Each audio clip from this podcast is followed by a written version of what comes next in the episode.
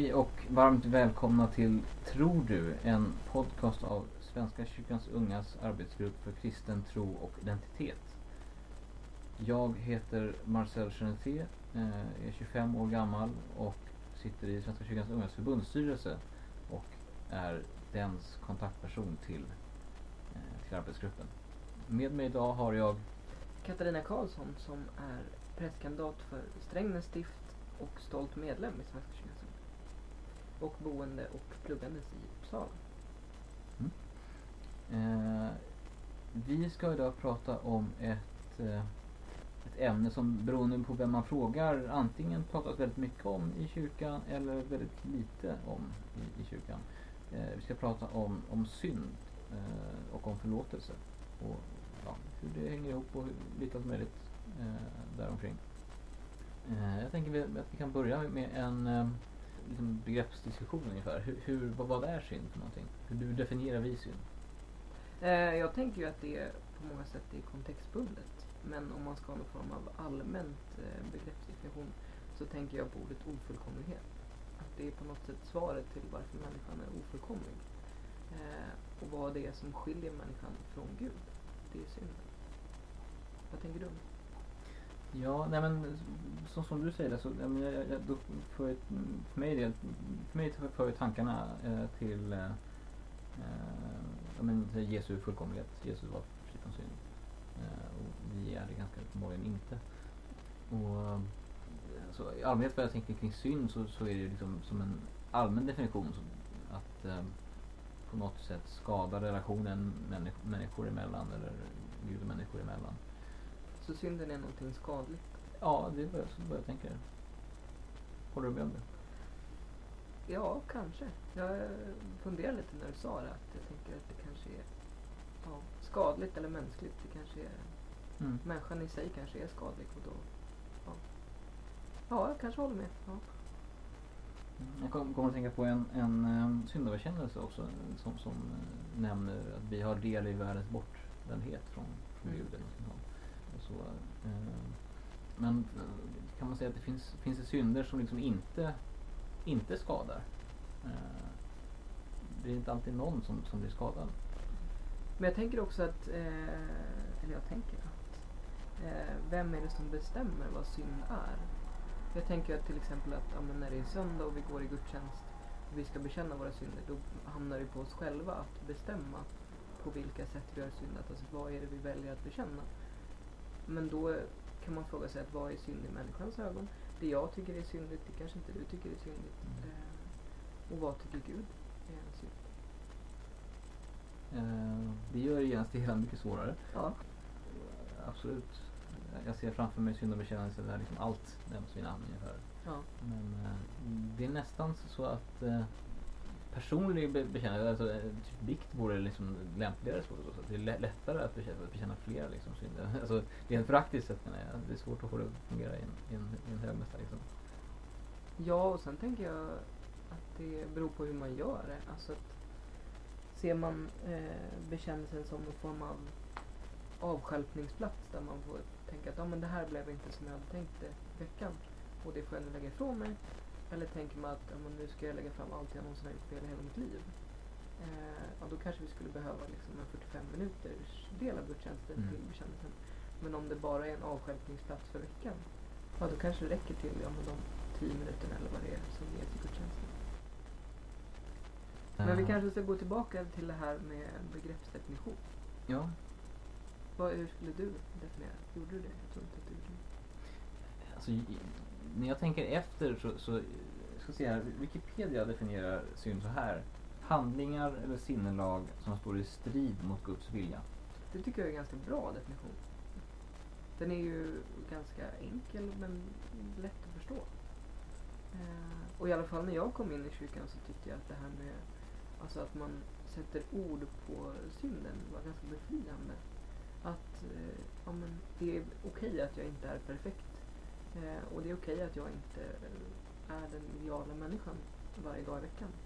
Utan kyrkan har ett sätt, men ett system för att hantera ja, min ofullkomlighet.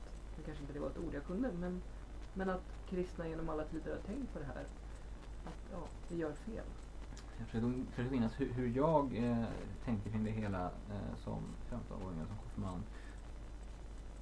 Och jag tror att jag var ganska så, så obekväm inför det hela eh, då.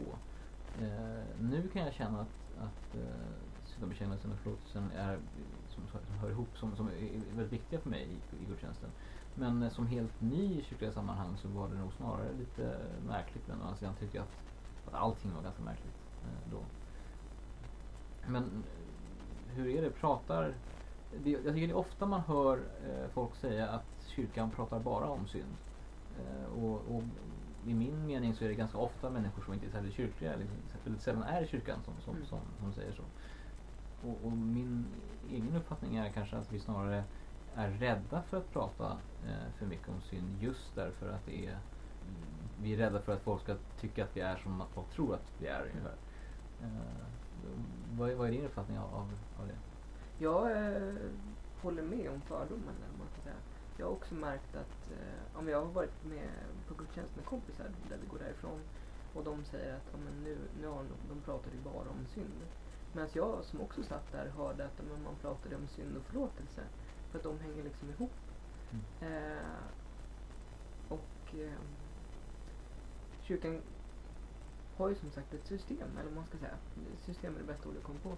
Eh, som man också kanske måste förklara. Man måste förklara att vi har tänkt på det här. Eh, och det här är någonting som vår tradition har kommit fram till att människan behöver lämna ifrån sig. Eh, och det handlar inte om att berätta för människor att de är dåliga eller att de är syndare på något sätt utan snarare att berätta att de är förlåtna. Sen får det inte bli för mycket förlåtelse heller och ingen synd för då blir ju förlåtelsen lite ihålig utan de måste gå tätt ihop. Men samtidigt bli förklarade. Mm. Jag, jag håller med. Eh, och, och, alltså, delvis så är väl det också förklarat av, av kyrkans tradition där man kanske inte alltid har talat om synd och förlåtelse som, som upprättande utan kanske just som nedtryckande. Mm. Och framförallt kanske också i samband med hur kyrkan och den världsliga makten har, har hängt ihop. Liksom. Ehm, och där kyrkan har figurerat i, i, i, eh, i världsliga straff och så. Tänker jag. Men, eh, eh, men jag, jag, jag håller med dig i, i det du säger. Ja, men jag tänker, något som jag eh, genom mina, kanske främst mina år som prästkandidat har funderat mycket på är konceptet beredelseord. Mm. Att det finns ju till exempel ett par förskrivna beredelseord i handboken. Eh, men sen är det många präster som väljer att skriva själva. Eh, och jag har lärt mig att men, ganska lätt formulera ett beredelseord som inte är så himla präktigt eller vad man ska säga. Eh, för att det handlar om på något sätt, på ett bra sätt säga att ja, men, den här veckan har inte vi varit perfekta, den här veckan heller. Nu bekänner vi. Eh, vad, vad tänker du kring beredelseord? Tänker du någonting? Det var en väldigt intressant fråga. Eh, jag tänker att, eh, men som du säger så är beredelsorden tycker jag är bäst när de är liksom korta och koncisa och liksom en vettig inledning till, till, till, till liksom resten av beredelsen. Liksom. Men eh, eh, jag, jag har upplevt, jag tänker tänka efter vad jag har hört för beredelsord eh, och eh, nu på senaste tid så har jag mest firat gudstjänster enligt, eh, enligt förslag, till, förslag till en ny kyrkanbok eh, och i, i, i, i remissförsamlingar. Då har man nog snarare velat pröva de, de förslag som finns i handboken. Men min erfarenhet är ändå att oftast så, så, så blir det bäst när, eh, när, eh, när det formuleras av prästen själv till, till, till gudstjänsten. Men, men eh, samtidigt så kan det också snarare bli eh, jag, jag har hört väldigt många som platta beredelsord känner jag. Som har, eh, eh, som har talat egentligen mera kanske om, om eh, förlåtelsen som, som någon slags eh, det blir en väldigt gullig förlåtelse, mm. man säga. En, väldigt- en, en nallebjörnsrelation till Gud ungefär. Och, eh, och inte kanske direkt om just då syndabekännelsen, bönen om förlåtelse, vilket ju är det som den, egentligen, det är det som kommer först, liksom, det är det den leder till, eh, det är det ordet. Jag tänker också att det, det är få delar av gudstjänsten man där, där man så tydligt ser vad prästen tycker. Eh, men om man kan ana till exempel om prästen tycker att, ja, men om prästen bär med sig att det är problematiskt att kyrkan kallar människor för syndare. eh, för att synd är dåligt och då kallar man människan dålig. Eh, det tycker jag att man ofta kan urskilja. Speciellt om beredelseordet hålls själv för då skäms man nästan lite för det man säger. Eh, Medan som jag eh, tycker så är det fullt naturligt. Alltså många människor kommer till kyrkan för att få bekänna. Ja, för, mig själv så, så, så är eh, syndabekännelsen och, och bönaförlåtelse och förlåtelsen eh, är, är ehm, några av de viktigaste momenten i gudstjänsten som jag inte skulle vilja vara utan. Eh, framförallt så känner jag att det är väldigt viktigt eh, för mig att, att få bekänna mina synder och bli förlåten innan den övriga delen av gudstjänsten och, och även innan, innan, innan nattvarden och på ett sätt att det är en, en, en mässa. För att som sagt bli mer redo eller beredd eller få känna att jag kan släppa av mig, lägga av mig eh, det som tynger mig innan jag liksom, eh, går vidare. Ja men på något sätt eh, en återvändan till det, den förlåtelsen vi alla fick i dopet. Mm. Eh, och det är väl bland det finaste kyrkan kan erbjuda. Att, ja, den kyrka som en gång har låtit dig döpas eh, låter också dig komma tillbaka till det. Eh, men det, det tänker jag, den, det perspektivet har jag inte hört så mycket.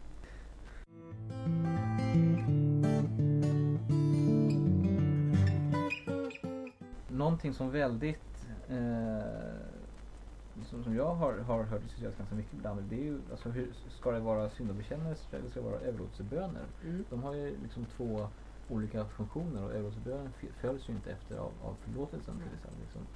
Eh, jag tänkte, har, har du några liksom teologiska reflektioner kring vad som är, är, är, är bäst eller vad, vad, vad, vad, vad du föredrar? Liksom? Eh, teologiska reflektioner vet jag inte, men jag, jag har tänkt väldigt mycket på det här. Mest för att jag har varit i flera församlingar där man har använt kombinationen överlåtsbön och sen förlåtelse. Eh, och jag som kanske är en ganska, ja, vad ska man säga? Jag gillar ordning liksom. Och när man inte, om jag inte ber dig om ursäkt så kan du inte förlåta mig. Det är liksom ganska logiskt. Att prästen kan inte dela, liksom, tilldela mig förlåtelsen om jag inte har sagt att det finns någonting att förlåta. Eh, och jag har ofta hört det diskuteras att ja, men överlåtelseböner det är mera någonting som människor kan ta till sig och känna att ja, men det, det är lättare, eller vad man ska säga. Eh, men jag tycker snarare att det är tvärtom. Att eh, lämna över hela sitt liv i Guds, eh, Guds händer. Jag överlämnar mig åt dig utan fruktan och förbehåll. Det är egentligen en mycket större handling än att säga jag har syndat eller jag, jag bekänner eller jag är bortvänd. Eh, för att syndabekännelse är någonting man ger ifrån sig. Alltså man trycker fram det eller trycker upp det eller vad man vill säga. Eh, Medan överlåtelsen, då handlar det liksom om en helkroppsreaktion. Som man får säga. Och egentligen så är det ett mycket större inneboende löfte i en överlåtelsebön än en syndabekännelse. Det var en väldigt intressant reflektion som jag, jag, jag har aldrig tänkt själv i den banan eller, eller hört den just så. Eh, jag har själv alltid föreställt mig överlåtelsebönen som en mera så här, en halvmesyr av, Mm. av, eh, av eh, syndabekännelsen. Som, som, eh, eh, som man kanske väljer just därför att man antingen så är man i, i, en församling där man väldigt sällan pratar om synd eller så är man eh, rädd för att prata för mycket om synd. Och, och, eh, men överlåtelsebönen, eh, hur länge har den funnits i, i, i, i våra gudstjänster? Här ska inte jag eh, skriva det i sten, men jag tror att den kom in i och med handboken 1986. Precis, det var jag För själv jag tror också. inte att den finns med i 1942 års handbok. Just det. Eh, Och i 1986 års handbok, och nu är jag också lite reserverad mig lite grann för att jag kan ha fel. Men jag tror också att den finns bara i eh, gudstjänstordning. Den finns inte i... Eh, ja, den är inte ett alternativ för mässa. Eh, och det är jag hyfsat säker på. Precis, men jag tror, jag tror att i, i kyrkohandboksförslaget nu så har man däremot ändrat på det. Mm. Eh, däremot så, så i, i, eh, i högmässa så är det fortfarande syndabekännelse tror jag. Ja, här är jag lite osäker faktiskt. Ja, vi kan, vi kan lämna den diskussionen där. Eh, men när vi ändå är inne på ämnet just syndabekännelser och så. Eh, har du någon särskild favorit bland, bland de som, som finns? Eh, Det beror helt på situation. Eh, alltså jag är ju själv lite svag för jag fattig syndig människa känner inte det. Heliga aspekter i Gud. Den väldigt långa. Men det är ingen syndabekännelse jag tycker man ska använda i gudstjänst. För att den är svår att kunna utan till. Och jag är ett stort fan av att människor ska ha möjlighet att lära sig gudstjänsten utan till och inte behöva papper eller stöd eller någonting annat. Eh, så att jag gillar syndabekännelsen som är jag bekänner inför dig hela Gud rättfärdig Gud att jag har syndat med tankar, ord och gärningar. Mm. Och sen fortsätter det men jag kommer inte riktigt jag skulle nog säga att det, det är den jag, jag eh, av de som, som, som, jag, som jag regel möter i gudstjänsten så är nog det den som jag själv eh, föredrar.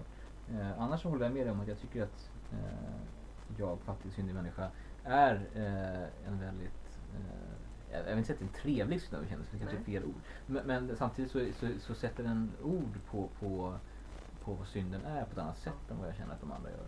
Eh, och, och ibland så behöver man verkligen få, eh, få känna eh, syndabekännelsen. på något sätt, Och verkligen få, få bli, av, bli kvitt allting. Och då, då känner jag att då, då skulle jag nog vilja ha den. Så om jag skulle gå i bikt någon gång så skulle jag nästan känna att Ja. då, då skulle det vara den. Jag skulle Ja, men det håller jag också med om. Men den, den har ju så många vändningar, eller vad man ska säga. Eh, för att den är så lång kan den också täcka in mycket mer än de andra. Eh, jag tänker mig att vi faktiskt skulle kunna ta och, och när vi ändå pratar om den. Jag tänker mig att många kanske inte vet eh, vad det är för någon syndabekännelse. Då tänker jag att då kan jag kan ta och läsa den här. Eh, så att, eh, eh, i och med att den är ganska ovanlig nu för tiden. Jag, fattig, syndig människa, bekänner inför dig, helige och rättfärdige Gud, att jag som är född med synd på många sätt har brutit emot dig. Jag har inte älskat dig över allting och inte min nästa som mig själv. Mot dig och dina bud har jag syndat med tankar, ord och gärningar. Jag är värd att förkastas från ditt ansikte om du skulle döma mig som mina synder har förtjänat. Men du, käre himmelske Fader, har lovat att med mildhet och nåd ta emot alla som vänder sig till dig. Du förlåter dem allt vad de har brutit och försummat och tänker inte mer på deras synder. Detta litar jag på när jag nu ber dig om förlåtelse för min frälsares Jesu Kristi skull. Det, ja, det är, som, som du säger så är det, den är helt klart den längsta syndabekännelsen. Eh, den har ett språk som, som, som inte motsvaras av någon av de andra egentligen. Eh, och jag är rätt säker på att det här är den som, det här är Olaus Petris eh, syndabekännelse från mitten av 1500-talet. Eh, som naturligtvis har genomgått en, en, en, ganska stor språklig revision men, men det är ändå eh, det är ju ett språk eh, som är eh, äldre och, och, och så eh, och kanske högtidligare än, än, än, än de andra i viss mån. Eh, och eh, jag skulle säga att det, att det är min favorit. Men jag har aldrig någonsin bett den i ett gudstjänstsammanhang. Det har Nej, aldrig det har jag förekommit för min del. faktiskt Eh, ja, och som sagt den är ju lång och det, det kräver att det är rätt sammanhang. Eh, med kyrkovana människor som jag nu sätter inom parentes. Eh, jag tror inte att det är någonting som man kan använda lite när man känner för. Nej, och jag tänker mig att en, en sån eh, som är, det är en, en ganska... Eller, den har ju ett mittparti där, men du kära himmelske fader eh, har lovat och så vidare. Eh, som, som jag skulle säga gör att den egentligen handlar mer om upprättelse än om fördömande. Eh, mycket mer. Eh, men men eh, jag kan tänka mig att om man kommer in i kyrkan eh, som, som förstagångsbesökare eller med väldigt få tidigare kyrkobesök eller så, så kan det snarare bli tvärtom. Att, Mm. att, för, det, för det är ett väldigt starkt språk.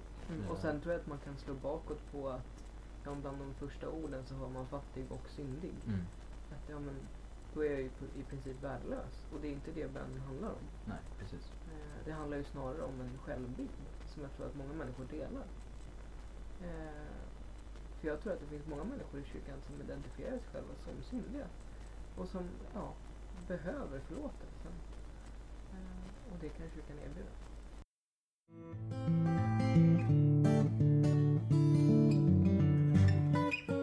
Bibeln nämner ju bland annat Jesus som, som fri från synd. Eh, men kan, kan vi bli fria från synd? Människorna? Eh, Jag tror inte att vi kan det i det här livet. Eh, det skulle vara, ja. Nej, jag tror inte att vi kan det i det här livet. För jag tror att det ligger i vår natur att synda. Eh, vår natur är syndig. Så jag tror inte att det, det är möjligt. Och med det sagt så låter det som Eh, nej, men jag, jag håller väl med dig där tror jag. Eh, och, och kan det kanske ändå vara lite av en ett problem som, som i och med att vi inte ändå, vi är, vi är ju rätt överens om att vi inte talar så mycket om synd egentligen i kyrkan idag. Mm. Eh, kan det vara ett problem att folk tror att de är fria från synd? Tror människor Ja, det kanske de tror. Eh, Jag tänker mig att det kan vara, alltså, att det kan vara en av anledningarna till att, eh, att man har svårt att ta till sig eh, syndabekännelsen är kanske det att man, man, man inte kan relatera till synd. Alltså, Mm. som, som, Jo, men det handlar väl mycket om, det känns som att jag varit inne på det förut, men eh, att kon- kontextualisera, att göra det till en del av det vardagliga livet, att göra det till någonting som inte är konstigt och inte är främmande. För att när synden är främmande och konstig, då tror jag att bekännelsen måste också vara det. Men om synden snarare är ja, en naturlig mänsklig händelse, då borde bekännelsen också vara det. Sen tror jag att det alltid kommer finnas människor för vilka det är totalt främmande. Att ja, definiera sig själv som syndig eller att bekänna synd. Eh, vad tänker du? Nej, men, men eh, jag, jag, jag håller med dig i det du säger. Men, men samtidigt så, så, så även, även om man skulle hävda att man var fri från synd eller inte syndig eh, så, så skulle jag, alltså, skulle- skulle jag nog säga att alla människor är det. Eh, och alla människor eh, gör någon gång, eh, eller ganska ofta snarare kanske Mm. eh, fel av det slag som jag skulle säga är synd. Eh, eller som vi tänker oss som synd. Eh, och jag, tycker att, jag tänker att det här går in på ett begrepp som man ofta hör när andra människor pratar, eller när icke-kyrkliga människor pratar om, om, om kyrkan och synd. Så drar man gärna in arvsyndsbegreppet. Mm. Eh, och det tycker jag vi ska prata lite grann om. Det tycker jag också. Jag satt faktiskt och tänkte precis samma sak. Eh, och jag tycker att arvsynden är väldigt spännande. Eh, alltså hela historien om Eva och Adam i lustgården och Eva äpplet och sen Adam. Det är ju ja, på något sätt en väldigt vacker berättelse. Eh, och jag tycker att det är ett fint sätt, eller ja, fint kanske är fel ord, men det är ett bra sätt att förklara skillnaden mellan Gud och människa. Att ja, men människan faller hela tiden eh, och behöver göra det. Sen är inte jag den som skulle skriva under på att berättelsen är fullkomligt sann. Men det är en berättelse som vill sätta ord och bild på att ja, men det har hänt någonting mellan Gud och människa. Och människan är inte fullkomlig. Hon är inte det. Och hon kommer att ta det där äpplet gång på gång på gång. För att hon vill det. Vad tänker du? Jag, jag har eh, väldigt sällan eh, mött begreppet arvsynd faktiskt. Eh, men eh, ja, som sagt, jag håller, jag, jag håller ju med dig även här. Och så. Eh, men det låter ju väldigt dramatiskt. Ja men där kom den stora pampiga kyrkan med sin arvsynd. Eh, och då är vi tillbaka på det här att ja, men det har ju varit ett verktyg som inte har varit till förlåtelse för människor utan snarare det motsatta. Ty, tycker du att eh, engelskans begrepp original sin är bättre än arvsynd? Ja, det tycker jag nog faktiskt. Jag har aldrig tänkt i de banorna förut men det, det är ett bättre ord. Ja, alltså, jag, jag tänker att samtidigt som det, eh, det det förklarar ju liksom någonting med att det är den ursprungliga synden så att Ja. säga. Men, men s- å andra sidan så, så är det, vet jag inte om det samtidigt förklarar att det, att det hänger med hela vägen så att säga, även för oss idag. Ja. Att det är någonting som går igen i alla människor. Det, Men sen tänker jag också att jag tror att jag är ett barn av min tid. Liksom. mm. Att eh, arvsynd är stort och dramatiskt och det är inte bra. Eh, och det kanske är därför jag attraheras av det engelska ordet för att arvsynd är någonting som jag har hört om. Eh, men här provtänker jag. Jag tänker på det här med förlåtelse. Att alltså förlåtelse, den förlåtelse vi har pratat om ganska mycket nu, är ju förlåtelsen som kyrkan ger. Men en förlåtelse som är minst lika viktig är ju den mellan människor. Att men om jag har gjort någonting som inte är rätt mot dig så behöver jag lika väl som jag bekänner min synd inför Gud eh, också be om ursäkt till dig. Eh, och det är ju en uppmaning som kommer från Jesus själv, att vi ska förlåta varandra. Eh, och vi ska älska varandra. Men det här är ju en ganska svår livsstil. Eh, för jag tror ju att det som Gud kan förlåta, det kanske inte människan är kapabel att förlåta. Tänker du om det? Eh, ja, så först, först tänker jag på vad Jesus säger om, om att vi ska prata varandra. Då tänk, kommer jag att tänka på jag kan inte citera ordagrant men, men eh, han, han uppmanar ju eh, till att, eh, att om man står liksom, och precis ska offra i templet ungefär så, så, och kommer på att man har någonting eh, oklart liksom, med, med, med sin broder eh, så, så ska man lämna offret i templet och gå därifrån och så, först försonas, sen komma tillbaka. Eh, och det är ju liksom eh, det, det, det, det tänker jag ju handlar om att eh, vi behöver förlåta varandra för att kunna ta till oss Guds förlåtelse på något sätt. Och förlåta oss Mm. själva för att kunna ta till Guds förlåtelse. Och då tänker jag också på, på Herrens bön. Eh, förlåt oss våra skulder. Eh, samtidigt som just ordet skuld där blir annorlunda. Alltså, jag, jag skulle önska att det hellre var förlåt oss våra synder. Ja. Eh, för det blir väldigt lätt tycker jag när man talar om skulder på det sättet så, som, som eh, ekonomiska skulder tänker jag. När Ja, jag hör ja. orden där. I, i, i det sammanhanget. Eh, Jesus uppmanar oss att älska och eh, förlåta varandra. Eh, kan människor förlåta precis som Gud? De typ.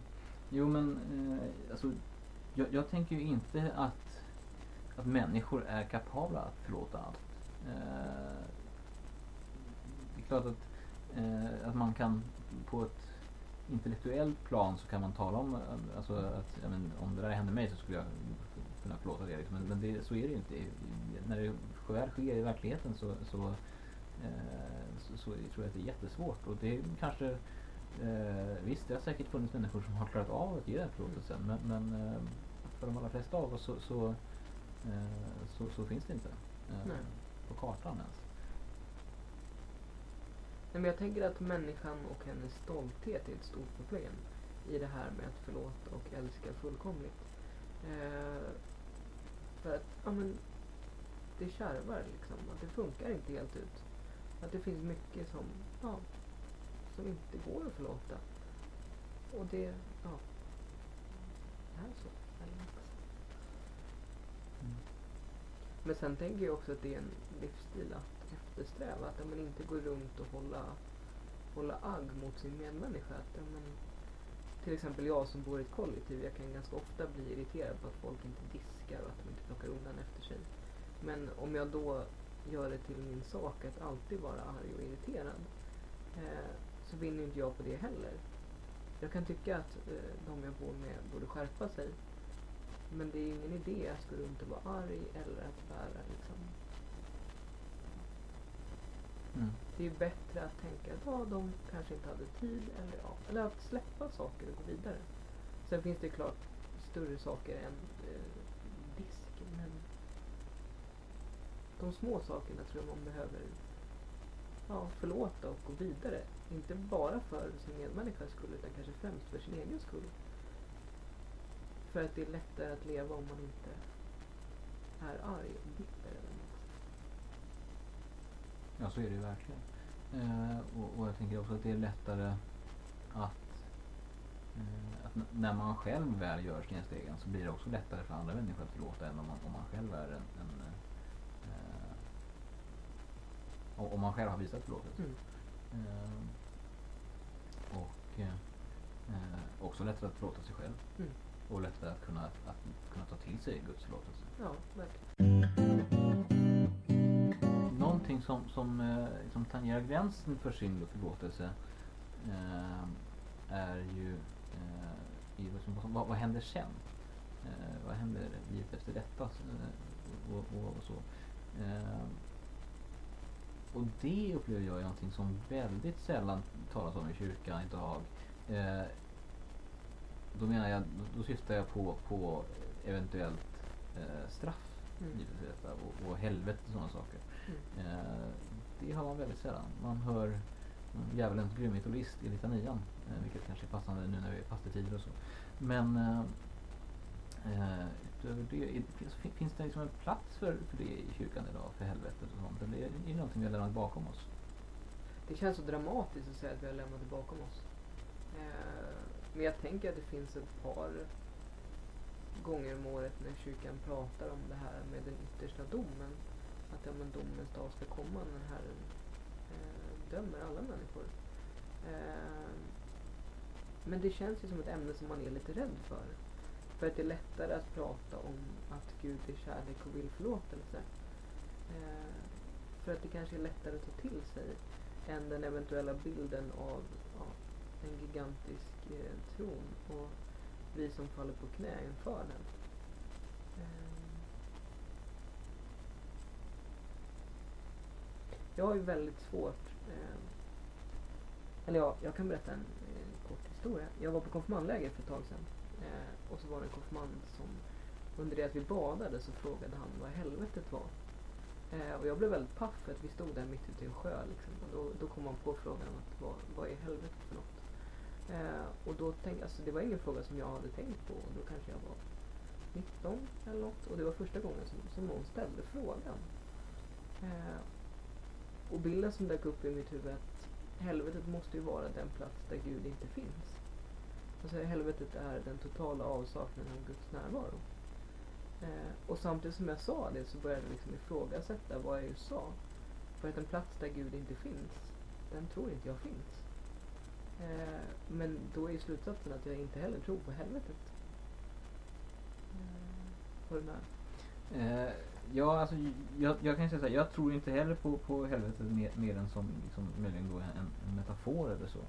Eh, men men eh, eh, jag, tror, jag tror att människor, eh, alltså jag skulle inte säga att, att, att jorden är i sig själv nödvändigtvis ett helvete, men jag tror att människor eh, som, som eh, inte känner att de kan få Guds förlåtelse eller som inte känner till Guds förlåtelse eh, och som inte är förmögna att, att förlåta sig själva eh, absolut kan, kan sägas vara i, ett, eh, i ett helvete. Men det är ju inte liksom en, en fysisk plats i livet för detta utan det är då så, någonting liksom eh, En sinnesstämning? Ja, Ja. kanske. Men, men det är ju inte heller då eh, det är inte en egentlig eh, alltså det är svårt att säga att det är en frånvaro av Gud därför jag tänker mig att Gud liksom står där och pockar på dörren och vill in i alla fall liksom. Mm. Men, men, men eh, eh, att, att man, man är liksom så kanske så fast i det man har gjort fel eller inte erkänna sina fel att man inte kan eh, eh, kan se eh, Gud. Då. Och sen, så, sen så om vi när vi ändå diskuterar ämnet så, så eh, vad var eh, koncentrationslägren om inte ett helvete? Eh, Absolut. till exempel. Eh, och, och det, det är också det, det är en fråga som, som eh, nu kommer vi in på teodicéproblemet. Ja. Eh, hur, hur kunde ramlade dit bara. vi ramlade dit bara som man ibland gör. Eh, hur, hur kunde Gud liksom tillåta det? Det? Jag tror inte att eh, det är någonting som vi kan besvara i det här programmet. Nej, det tror inte jag heller. Jag tror att det behöver en helt egen podcast. Ja, jag tror det. Eh, eller kanske en, en serie eller här, Det är inte löst på några tusen år liksom. Nej. Men eh, visst hade du skrivit ner ett bibelord som också handlar om Ja, eh, det hade jag. Det är Romarbrevet eh, kapitel 3, eh, vers 23 till 24 tror jag att det är. Eh, alla har syndat och går miste om härligheten hos Gud och utan att ha förtjänat det blir de rättfärdiga av hans nåd eftersom han har friköpt dem genom Kristus Jesus. Det ett fantastiskt bibelord tycker jag. Eh, och det jag fastnar på är det här ordet förtjäna. Det kanske var just förtjänat. Eh, och man kan ju liksom inte förtjäna förlåtelsen. Men man får den ändå. Och det tycker jag att man borde prata mer om. Mm. Att man borde, ja, nåden är gratis. Eh, tackar. Eh, nej, men då går mina tankar eh, tillbaka till den syndabekännelse vi läste tidigare. Ja. Eh, som ju har, just har en, liksom en, en, en, en, en liknande formulering. Eh, jag kommer också att tänka på en eh, eh, formulering, men inte minst var den kommer ifrån. Men, men en just en bön om att inte bli dömda så som eh, våra synder har förtjänat utan, Mm. utan genom nåd. Eller av nåd. Någonting åt det hållet. Ja, Eh, jag känner också igen det så det gissar att det är ett bibelcitat. Mm. Och jag kommer också tänka på någonting jag ofta tänkt på när, när, när eh, domsöndagen och liknande har varit uppe när folk pratar om domen. Eh, eh, och eh, eh, det är en psalm, jag kommer inte ihåg numret just nu, men det är Guds kärlek är som stranden och som gräset. 289. 209 så var det. Eh, och eh, som har O döm oss Herre, frikänn oss i domen. Eh, I andra eller tredje versen tror jag. Ja. Eh, och det är ju liksom en dom måste ju inte vara en, en fällande dom utan det kan också Nej. vara en, en, en friande dom. Eh, och eh, eh, det känns det ofta som att man missar när, när domen är, är på tapeten. Att, eh, a, a, a, antingen så, om man nu döms, då, då, eh, då blir det en fällande dom. Eh, eller också så tar man inte upp domen, eller alltså, tror man inte på domen och då Men det handlar väl också om vilka bilder man får av vilket språk man använder Att, Men när, när man säger dom, då kanske människor tänker om en domare, ja helt plötsligt så, är, så blir det negativt för det blir en domscen och det blir liksom dramatiskt och det blir, det blir negativt på en gång. Och jag tänker att dom och synd här är två begrepp som kanske ja, går hand i hand i det att man lätt går åt det negativa. Att om en synd och dom då då, då ska man berätta för människor att de är dåliga. Eh, fast man egentligen kanske säger att ja, nu blev det inte så bra, men du är så himla bra ändå. Eh, Mm. Eh, och jag, I mitt huvud så dyker det då upp att låta nåd gå före rätt. ja, verkligen. Eh, och det är väl min bild av, av, eh, av Guds dom. Eh, därför att eh, jag tror att det, det, det är väldigt det är ganska få människor eh, föreställer jag mig som faktiskt rent av alltså, rakt förtjänar eh, paradiset så att säga, den friande domen. Ja, om ens någon. Nej, precis. Och därmed kanske vi ska ta och runda av det här samtalet. Ja. Eh, har du någonting du vill tillägga? Nej, jag tycker att man frimodigt ska prata mer om eh, synden. Jag tycker att det aldrig får bli ett dött ämne utan ett levande ämne som alltid leder över till förlåtelsen. Vilket kanske är det finaste kyrkan har att erbjuda. Därmed så tackar vi för oss. Eh, du har lyssnat på Tror du? En podcast av Svenska kyrkans ungas arbetsgrupp för kristen tro och identitet. Jag heter Marcel Geneté och med mig hade jag Katarina Karlsson. Tack så mycket så, så eh, ses vi igen om, om två veckor.